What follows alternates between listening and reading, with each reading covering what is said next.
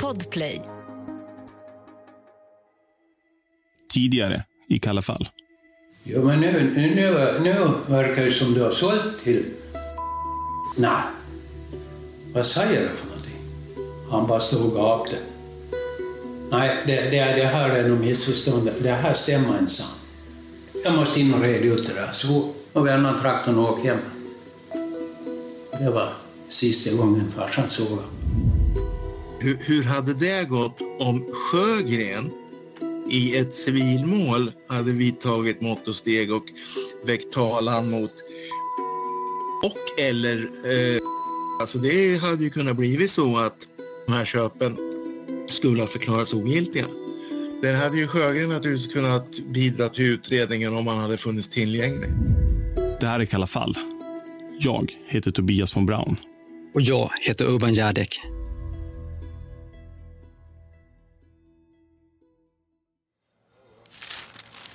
Sommaren 2012 hade vi gått igenom allt som fanns att läsa i tidningarna om fallet Sjögren. Vi insåg att det var dags för nästa steg, nämligen att ta kontakt med polisen. Vi hade läst en artikel i Gotlands Allehanda där det stod att de fått titta på hela utredningsmaterialet. Kunde de, så kunde vi, tänkte vi. Vi ringde upp polisen och fick till slut prata med en bister kommissarie. Jo då, ville vi titta på utredningen så skulle det nog kunna gå för sig. Någon vecka senare satt vi i ett litet trångt förhörsrum på polisstationen i Visby. Framför oss stod två lådor, till bredden fyllda med pärmar, fotografier och lösa papper. Det fanns även kuvert som innehöll kvitton, vykort och räkningar. Vi förstod att det var material som tagits i beslag i Sjögrens hem. Det fanns också mer udda föremål. En gammal kam, torkat hö, en kulspetspenna och ett par skarpladdade hagelpatroner. Vi började titta igenom pärmarna. Till en början mer eller mindre planlöst för att försöka få någon slags grepp om materialet. Den första delen utgjordes av förhör. Ett par tusen sidor. Det fanns många bekanta namn. Tore och Iris Pettersson. Hans-Olof Edin. Stig och Inges pappa, Gunnar Larsson. Det var även många nya namn som dök upp som vi aldrig hade hört talas om tidigare. Bulvanens sambo och Bulvanens bästa vän. Vaktmästaren på Domus tog upp många sidor av förhör. Det gjorde också Sjögrens närmsta vänner. Thomas Jakobsson och Majken Malmqvist. De hade varit en av polisens viktigaste källor till upplysningar om Sjögrens förehavanden innan han försvann. Men det var ett annat namn som vi höll lite extra utkik efter. Nämligen Björn Adolfsson.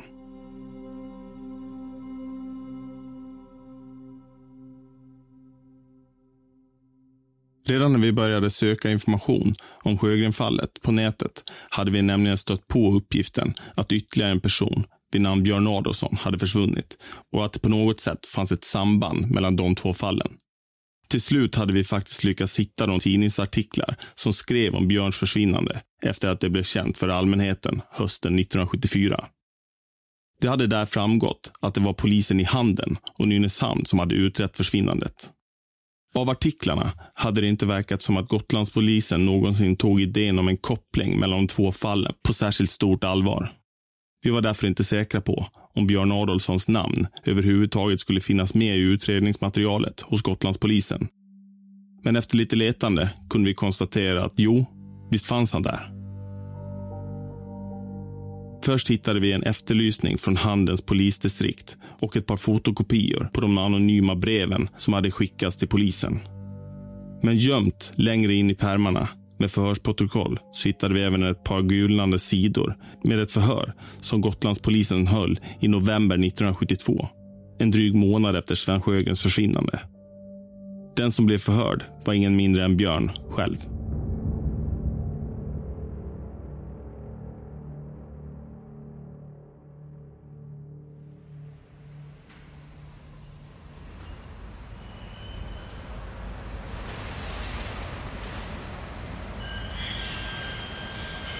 Nästan tio år senare kliver jag, och Urban Järdek, på ett pendeltåg i centrala Stockholm. På tåget möter jag upp poddaren Dan Hörning. Det var tillsammans med honom som jag skrev den första poddserien baserat på våra efterforskningar i fallet Sjögren. Ett arbete som resulterade i över 30 avsnitt av podden Olösta mord. Anledningen till att vi satt oss på pendeltåget till Nynäshamn är att vi ska besöka Ekeby, det lilla sommarstugområde där Björn Adolfsson bodde när han försvann. Dan har nämligen en personlig anknytning både till platsen och till försvinnandet. Familjen hade ägt typ hela jävla området från början? Ja, min, min farfar eh, styckade upp området och styckade upp 55 tomter. Mm, mm. Och eh, ja, han var ju en väldigt driftig person. Ja, ja. Dans kusiner, Lasse och Urban Hageman och deras pappa Kjell har fortfarande en sommarstuga där ute. De kände Björn och var hans närmaste grannar innan försvinnandet. Det är dem vi är på väg för att besöka. Vi anländer till slut till Segersängs station efter ett längre trafikstopp i Årstaberg. Dans kusin Lasse möter upp vid stationen Tjena, Urban. Hej. Lasse. Trevligt. och vi fortsätter resan med bil. Ut till Ekeby alltså? Japp.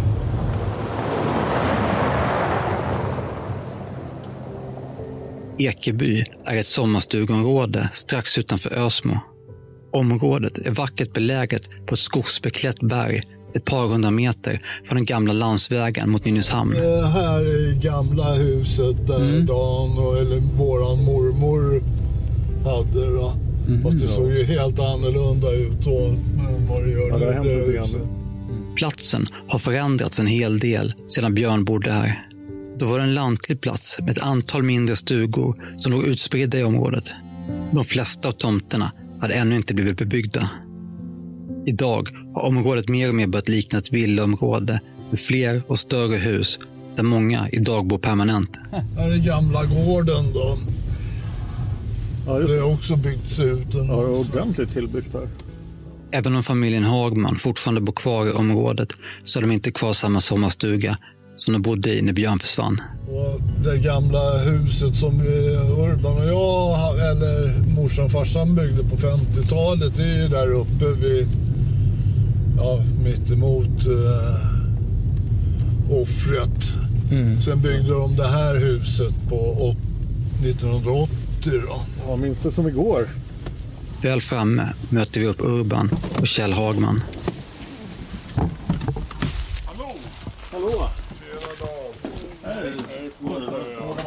Det är inte första gången jag och Kjell ses.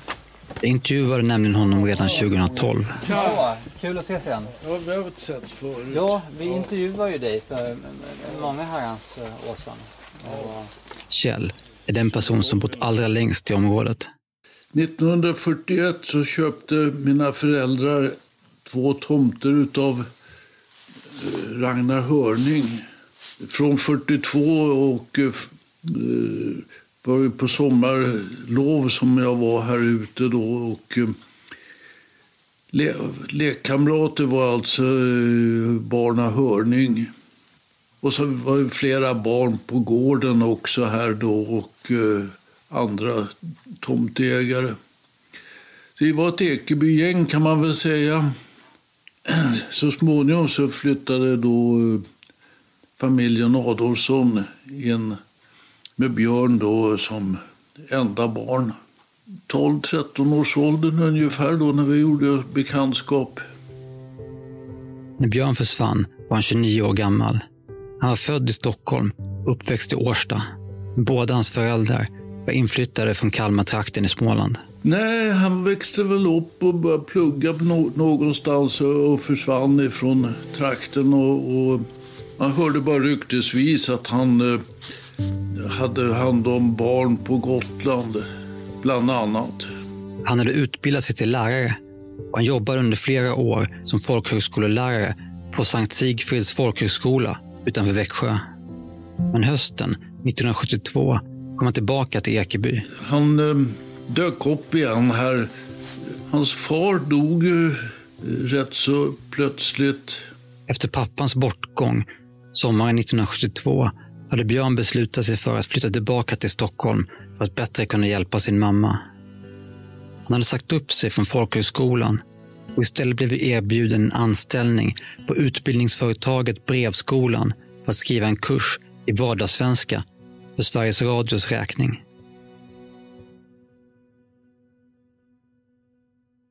Kjell minns att det särskilt var en sak som grannarna hade reagerat på efter att Björn hade flyttat tillbaka till området. Och vi tyckte det var lite konstigt att han var... Han verkade mörkrädd på något sätt. Han riggade upp ytterbelysningar runt hela huset så lös hela nätterna. Men satt de på träd utanför. Kjell vet att det var två personer i grannskapet, två yngre grabbar, som hade haft en hel del kontakt med Björn tiden innan han försvann.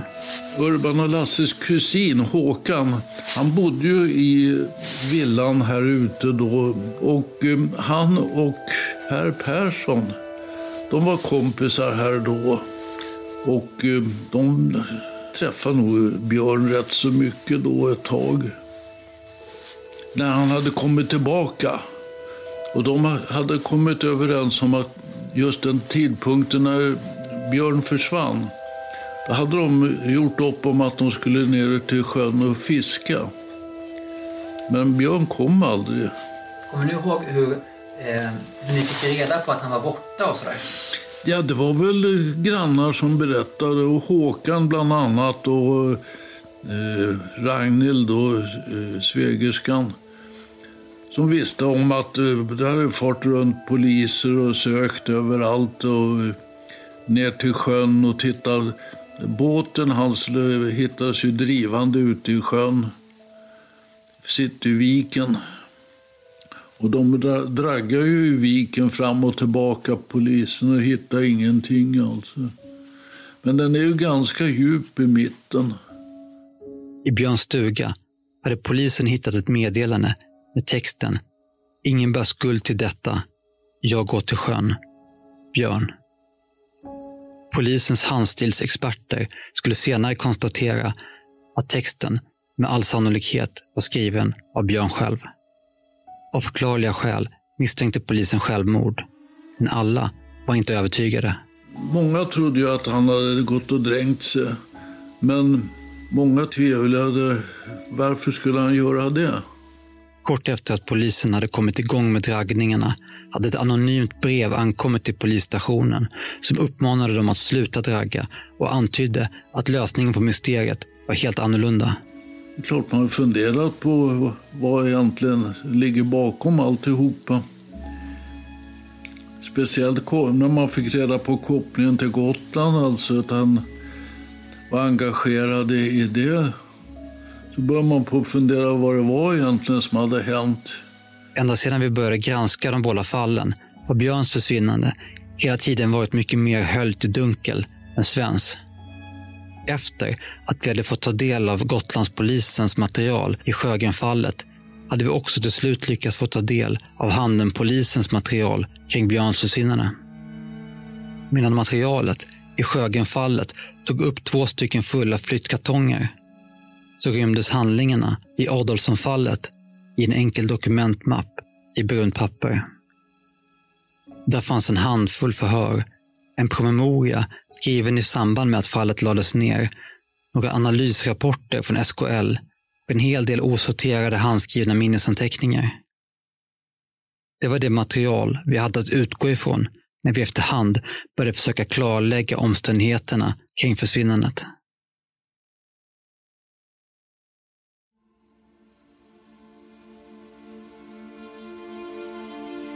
Även om Handenpolisen fortsatte med draggningarna i viken även efter det att det första anonyma brevet anlände, så hade de även börjat undersöka andra möjligheter. Det stod snabbt klart att Björn, kort innan försvinnandet, varit sysselsatt med att planera ett sommarkollo i Lummelunda som han under de senaste åren varit föreståndare för. En tanke som väcktes var att Björn kanske begett sig dit för att kunna komma bort ett tag.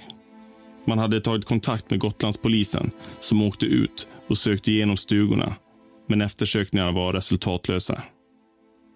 När polisen genomsökte Björns stuga i Ekeby hittade man också en maskinskriven A4-sida. Texten, som allt att döma var skriven av Björn själv, handlade om Sven Sjögrens svåra ekonomiska situation åren innan hans försvinnande. Hur han under flera år försökt få sälja en eller ett par tomter för fritidsbebyggelse men att det ständigt blev avslag på hans ansökningar. Hur bitterheten mot myndigheter hade växt sig allt starkare. Hur han hade börjat ana att konspirationer och mygel låg bakom de ständiga avslagen. Man skulle tvinga honom att sälja, men Sven hade varit besluten att inte ge med sig. Varför skulle han gå och slita för ingenting när han nu ägde ett sånt värdefullt markområde? Texten på pappret avslutades tvärt och det fanns inga ledtrådar om i vilket sammanhang den var skriven. Några andra papper eller dokument som hade med Sven Sjögren att göra verkar inte ha hittats i stugan. När draggningarna så småningom avslutades utan resultat visste polisen inte riktigt hur de skulle gå vidare. De hade hört två av Björns bekanta. Dels hans chef på brevskolan, Kerstin Lindberg och dels hans nära bekant och före detta kollega, Olle Lindqvist, som nyligen hade varit på besök från Växjö. Tillsammans med vittnesmål från grannarna i Ekeby kunde de därigenom pussla ihop en bild av Björns liv innan försvinnandet. Efter att Björn flyttade till sommarstugan i Ekeby hösten 1972 jobbade han med en skrivkurs hela vintern och enligt hans chef hade arbetet gått mycket bra. Men det verkade som att någonting hade hänt i februari 1973. Då hade han nämligen börjat sacka efter. I april verkade det som han hade kört fast ordentligt. Den 24 april hade han ringt till brevskolan och sjukanmält sig. Ett par dagar senare hade han pratat med chefen och lät då ganska förkyld men var på gott humör och sa att han var på bättringsvägen. Nästa dag anlände Björns bekant Olle Lindqvist med tåget från Växjö. Han och Björn hade gått på teater och besökt en krog i Gamla stan innan de åkte ut till stugan. Nästa dag satte de potatis och cyklade sedan ner till viken. Där gick de ut med Björns båt och la nät. De hade sedan rutt över till andra sidan viken och gått runt i skogen och pratat. På kvällen hade de spelat kort. Björn hade inte sagt något om att han hade svårt på jobbet, men han hade nämnt att han inte kunnat jobba de senaste dagarna på grund av en kraftig förkylning. Nästa dag, den 29 april, tog de upp nätet och var även ute och pilkade strömming. Eftermiddagen tillbringade de inomhus på grund av regnet. På kvällen kom två grannbarn förbi och bad om att få låna båten för att åka ut och fiska, vilket de fick. När de hade fiskat klart hade de förtöjt båten med fören mot bryggan. I båten fanns en blydragg, alltså en slags tung blyklump, som ett enklare ankare som var fäst i ett rep. Blydraggen hade de kastat i vattnet och sedan knutit fast repet i akten så att båten skulle ligga säkert förtöjd. Det var denna blydragg som hade saknats när båten senare återfanns på andra sidan viken efter Björns försvinnande. På morgonen nästa dag, valborgsmässoafton den 30 april, hade grannbarnen kommit förbi och lämnat tillbaka båtens nycklar till Björn innan han och Olof tog sig in till stan då Olof skulle ta tåget tillbaka till Växjö. På morgonen pratade Björn mycket om det planerade sommarkollot och att han hade fått tag i bra personal. Han släppte av Olof på Centralen strax innan han 12.30 med ett hej vi ses tog avsked.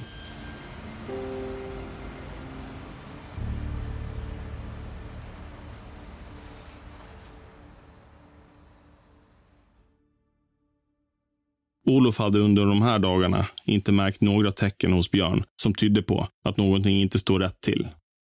Björn hade tidigare bestämt med sin chef, Kerstin Lindberg, att de skulle ses inne på brevskolan under dagen. Och han hade också sagt detta till Olof. Men Björn begav sig inte till brevskolan efter att han lämnat av Olof. Han begav sig inte heller hem till stugan. Kerstin hade nämligen varit på kontoret under dagen och väntade på Björn till klockan 15 men när han inte dök upp åkte hon ut till stugan. Hon behövde nämligen lämna över en del korrektur som behövde åtgärdas. Men Björn var inte där heller. Hon fick senare veta att Björn hade kommit till brevskolan vid 16 och frågat efter henne. Nästa dag, den 1 maj, hade Kerstin ringt Björn mitt på dagen och undrat om de kunde ses på kontoret. Hon ville diskutera arbetet då hon var orolig för att han inte skulle hinna bli klar. Men Björn hade sagt att han hade bråttom hem. Han hade inte heller verkat särskilt orolig. Han hade sagt att han ändå skulle jobba en och en halv månad till, så det skulle nog lösa sig, menade han. De bestämde att de skulle träffas nästa dag istället. Vid 17-tiden besöker sonen till en av grannarna, Björn, i hans stuga och talar med honom om en förestående konfirmation som Björn ska vara med på. Det här är den sista kända observationen av Björn.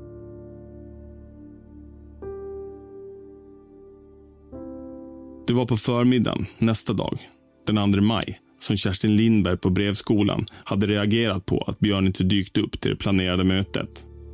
Det var då hon åkte ut till stugan och upptäckte att han var försvunnen.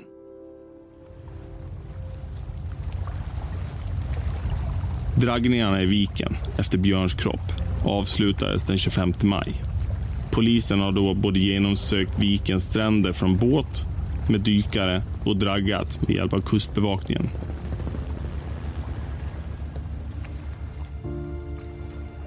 Polisen kontrollerar det anonyma brevet och jämför det med Björns egen skrivmaskin. De kan konstatera att det anonyma brevet i varje fall inte skrivits på den. Efter det vidtar Handen-polisen inga fler åtgärder. Vid det här laget hade de landat i att det trots allt ändå måste röra sig om självmord. Förhoppningsvis skulle kroppen dyka upp till slut.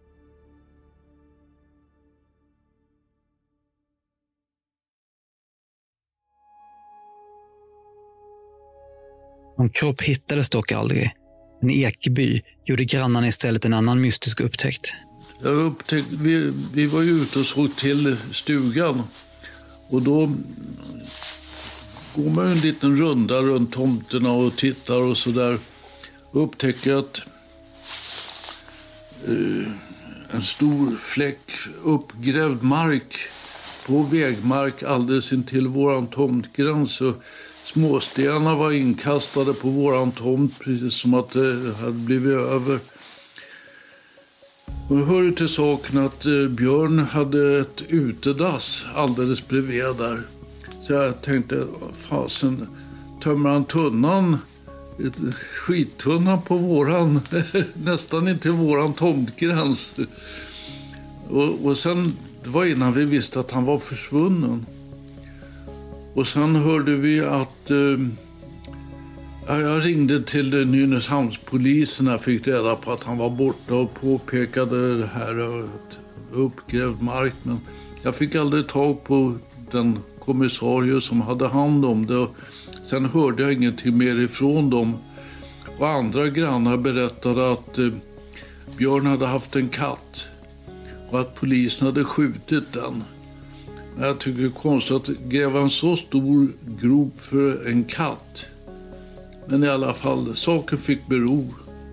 Efter fikat passade vi på att besöka Björns hus och platsen för den mystiska gropen. Här var Björns hus. Ja, aha. Och där. Oj, vilken kåk han hade. Vi hade bestämt träff med grannen som bor precis till den plats där gropen låg. Det hade nämligen visat sig att han var ett stort fan av podden. Tjena Urban. Hej, hej, hej. Vilket fint hus. Ja, jo. Vi eh, snackade om att eh, vet du, området har ändrats eh, från den tiden och små pyttestugor Ja. och sådana här jäkla herrgård nästan. Det är just det jag tänkte på. För när jag, tänk, jag följde den här um, Flashback-tråden efter att alltså, lyssna på podden och allt det där. Ja. Jag googlade mig dit. Ehm, och tänkte det måste ju vara uppe hos oss. Och på den tiden så var det, det var ju bara tät skog. Alltså, och även när vi byggde och flyttade in här så var det ju skog.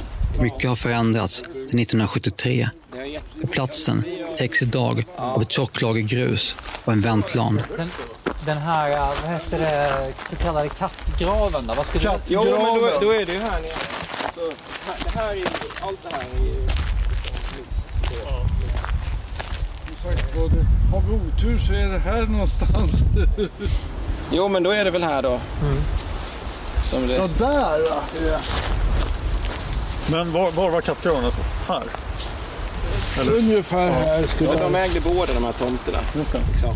Precis intill ligger även det som en gång var Björns stuga. Och vi bestämmer oss för att knacka på.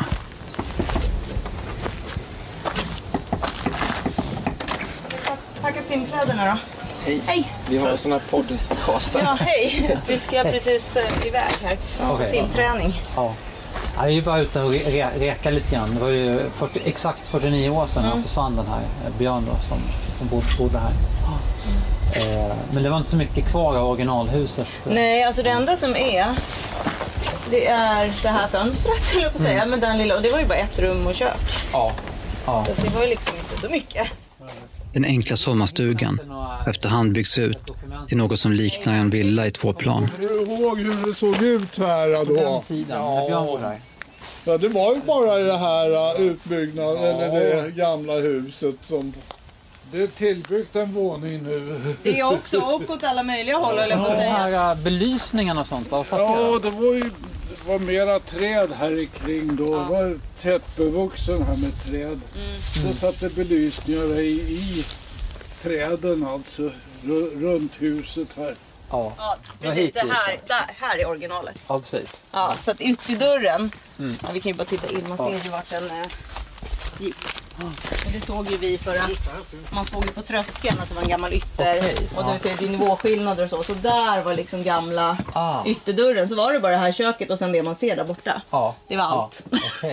Ja, det låter som en rimlig liksom, fritidshus. Tack för... Ja. Tack, tack. Ja. Som sagt, inte mycket kvar. Och här finns det inget skumt. Vad jag vet.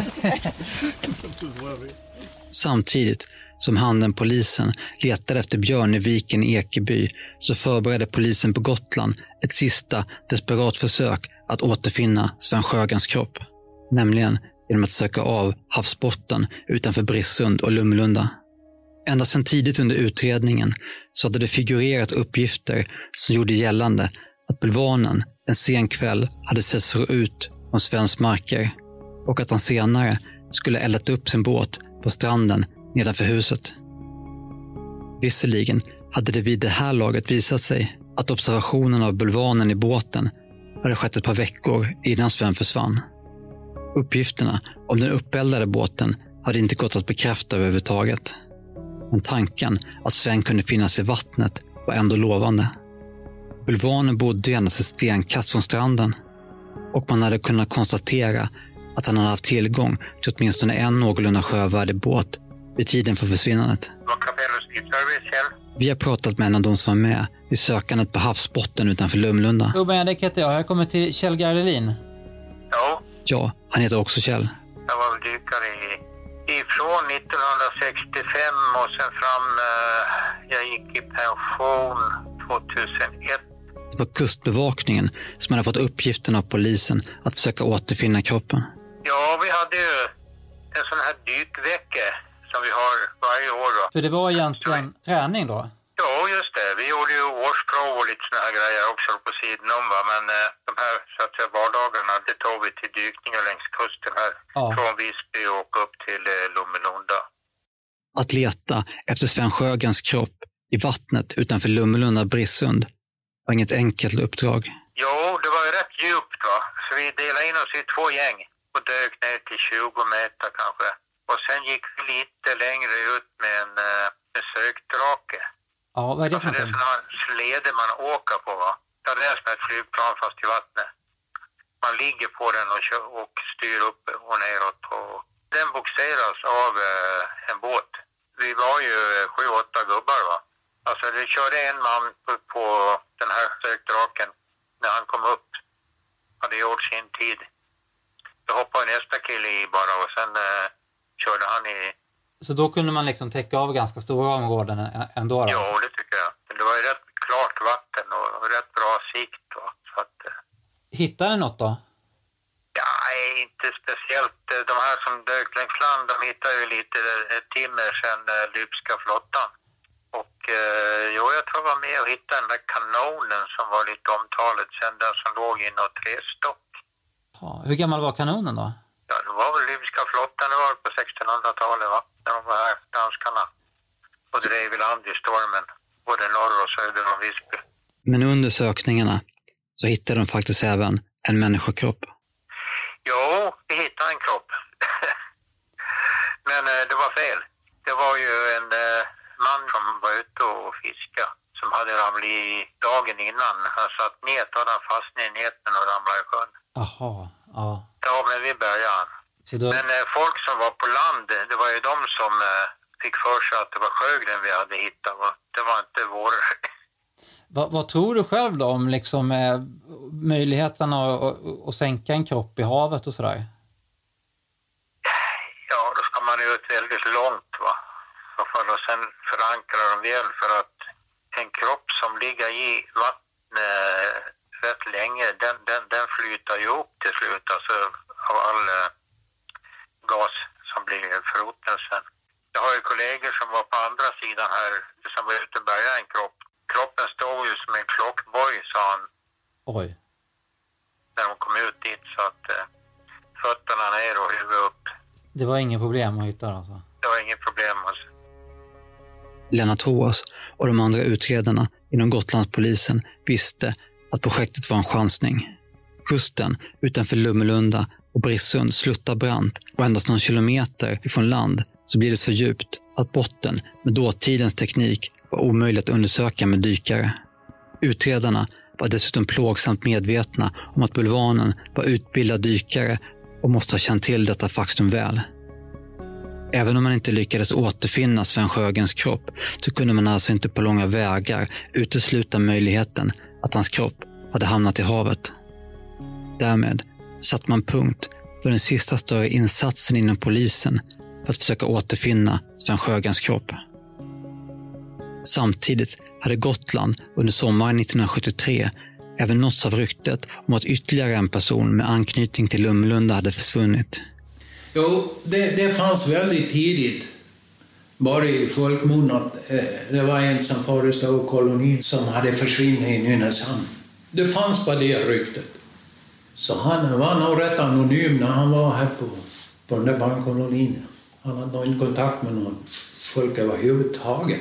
Sjögren var bara kanske en av de få som han hade? Ja, det tror jag.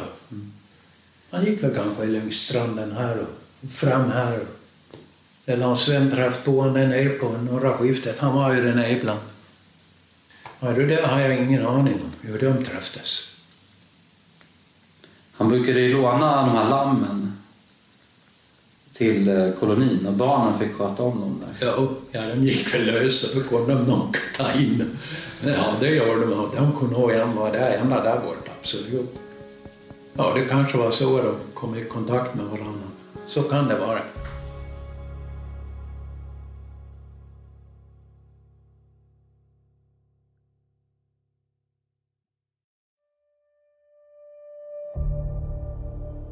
På fastlandet övergår sommaren i höst, vinter och vår utan att någon kropp dyker upp eller att något annat händer i utredningen och Björn Adolfssons försvinnande. Men tisdagen den 30 maj 1974 dyker ett nytt anonymt brev upp hos polisen i Nynäshamn. Den här gången ligger brevet i ett brunt kuvert som är poststämplat i Solna. Brevet lyder. Fallet med den försvunne Björn är ett år gammalt den 1 maj och ännu olöst för polisen. Jag trodde bättre om polisens förmåga. Det har ju hela tiden funnits väl synliga trådar att börja nysta i. Handla. Någon handling blir det tyvärr inte från polisens sida. De förstår inte riktigt vad det är för trådar som brevskrivaren pratar om och något mer händer inte. Ytterligare drygt halvår går innan den anonyme brevskrivaren slår till igen. Den 4 oktober 1974 dyker nämligen ännu ett brev upp. Men denna gång är brevet inte adresserat till polisen utan till Aftonbladets tipsadress.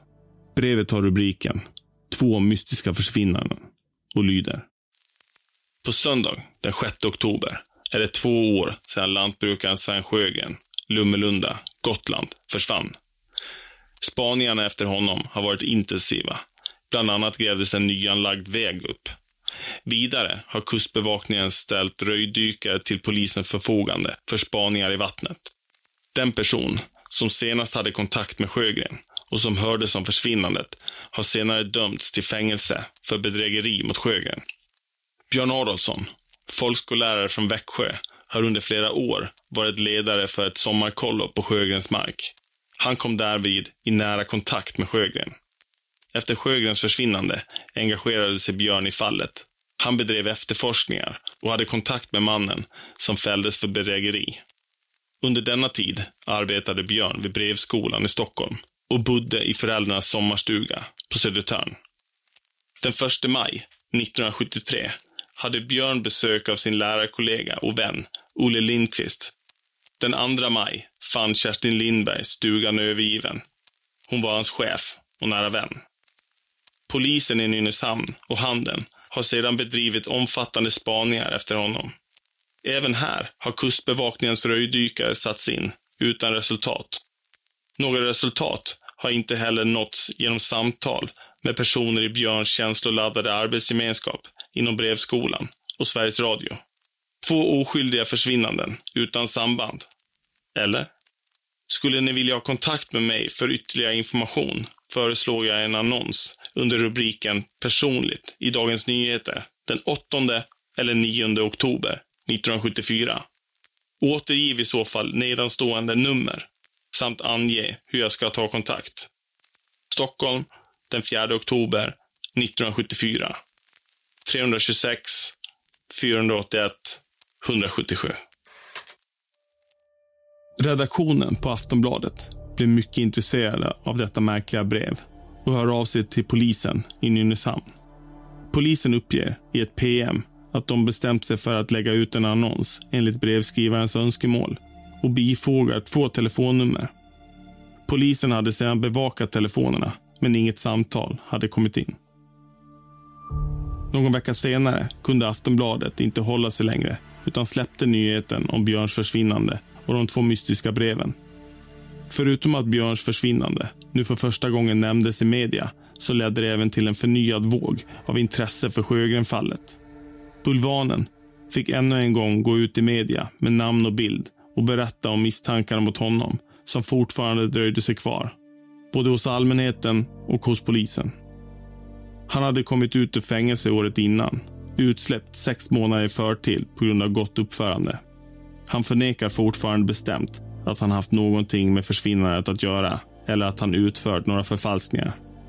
Han berättade även att han och Björn Adolfsson kände varandra och att han nu börjat bli orolig för sin egen säkerhet. Kanske skulle han själv också försvinna spårlöst en dag. Han berättar även att han har några egna misstankar om vem som ligger bakom försvinnandet. Men de behåller han för sig själv tills han fått fram riktiga bevis. Spaningsledaren inom Gotlandspolisen, Lennart Hoas, säger i ett uttalande att han är skeptisk till en koppling mellan fallen. Han påpekar att det inte finns någonting som styrker att Björn skulle ha bedrivit några egna efterforskningar. Brevet man hittar i Björns stuga, som handlar om Sjögren, var ganska allmänt till sin natur. Handenpolisen säger sig vara intresserade av att utreda fallet vidare, men erkänner att de inte har mycket att gå på. De är därför mycket angelägna om att den anonyme brevskrivaren ska träda fram eller höra av sig igen. Men fler brev kommer inte och Björns försvinnande faller de kommande åren allt mer i glömska.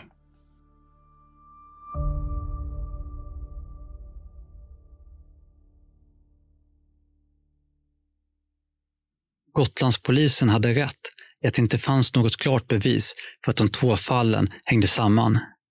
Men berodde bristen på bevis på att en sån koppling saknades eller på att Handenpolisen helt enkelt inte lyckades hitta dem?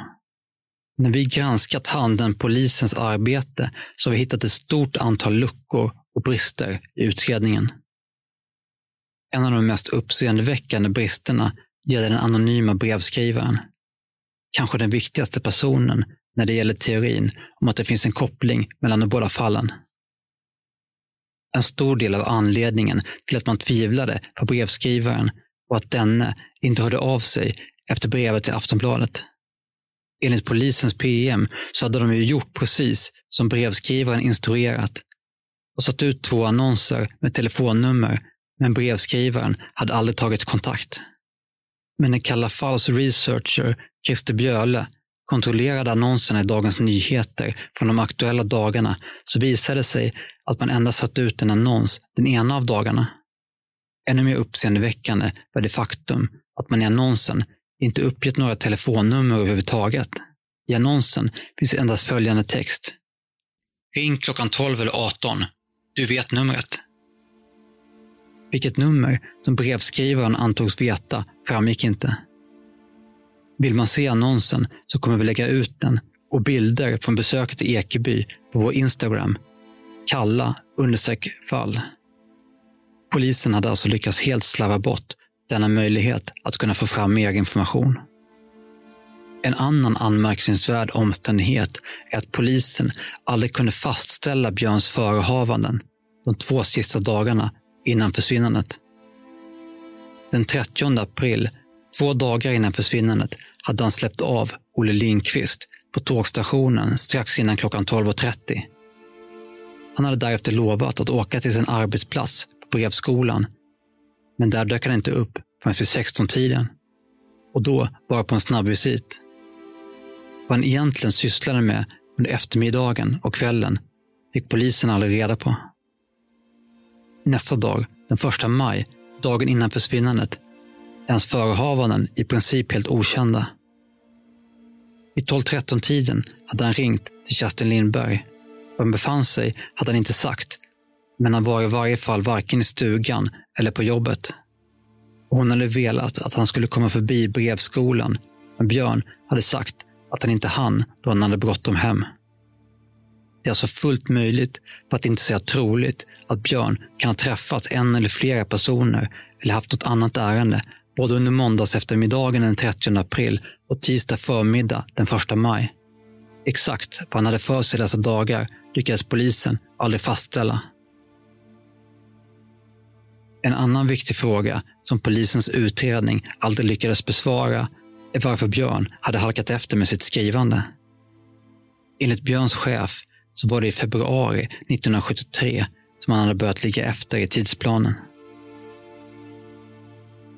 Rättegången i bedrägerimålet mot Bulvanen hölls just i början av februari.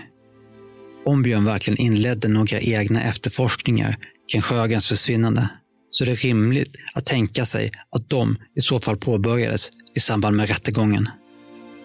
Dels är det först då, när förundersökningssekretessen hävs, som det är möjligt att få ut förundersökningsprotokollet och andra handlingar från utredningen.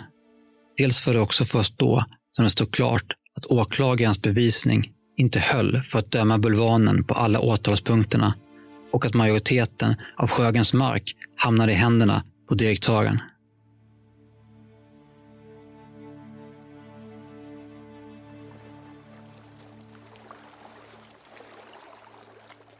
En annan aspekt av fallet, som polisen inte granskade särskilt noga, var Björns båt som hittades i strandkanten på andra sidan viken.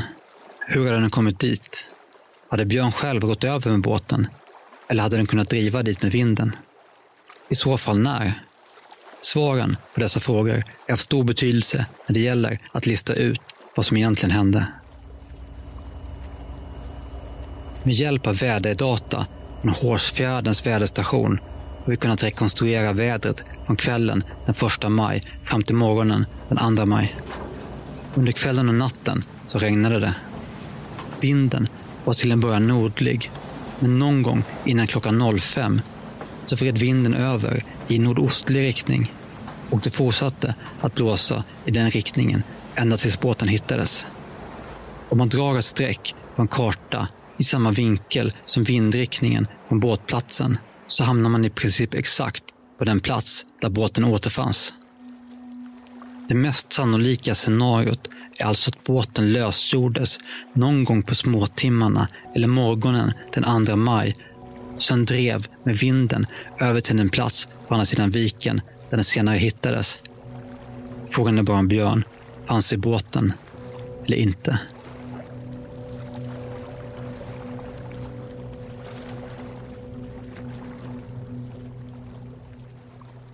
Innan Handenpolisen helt lade ned efterforskningarna i Adolfssonfallet så hade de genomfört en sista åtgärd.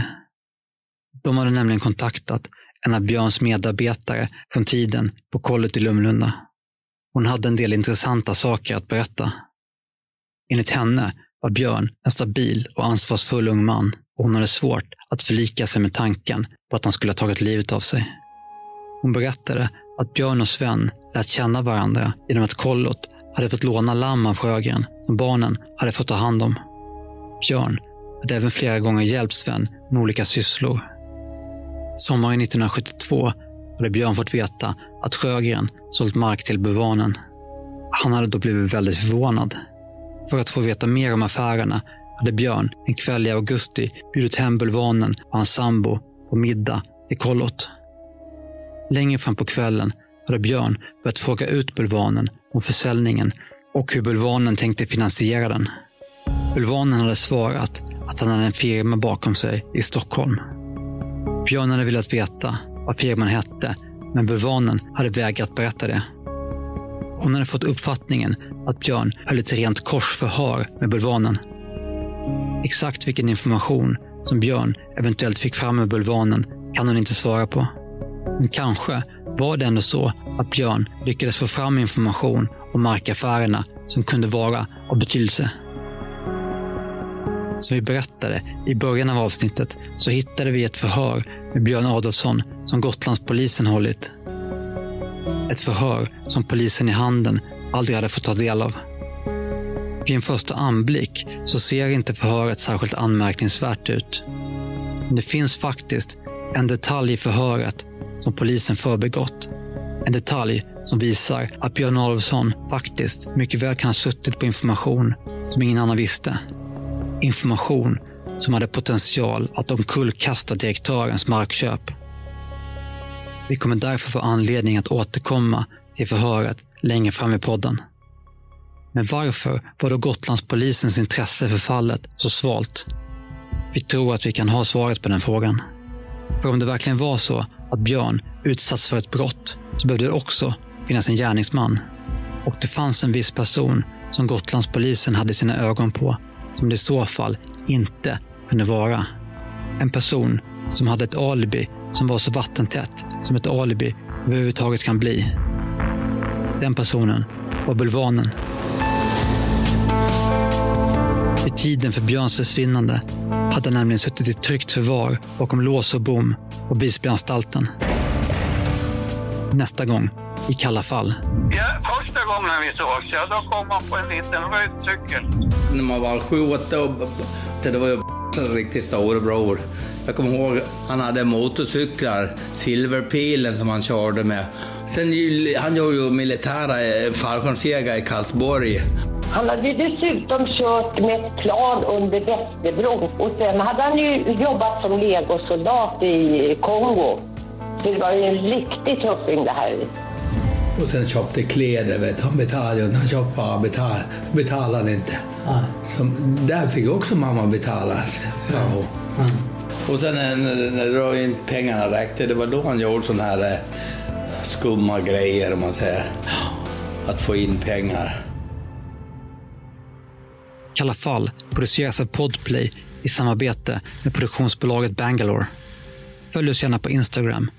Där kommer vi lägga upp bilder på sånt som vi tar upp i podden. Där heter vi Kalla understreck fall. Om du har några tips som skulle kunna bidra till att Sven eller Björn hittas? Tveka inte. Hör i så fall av dig på tips kallafall.com. Tack för att du lyssnar på Kalla fall.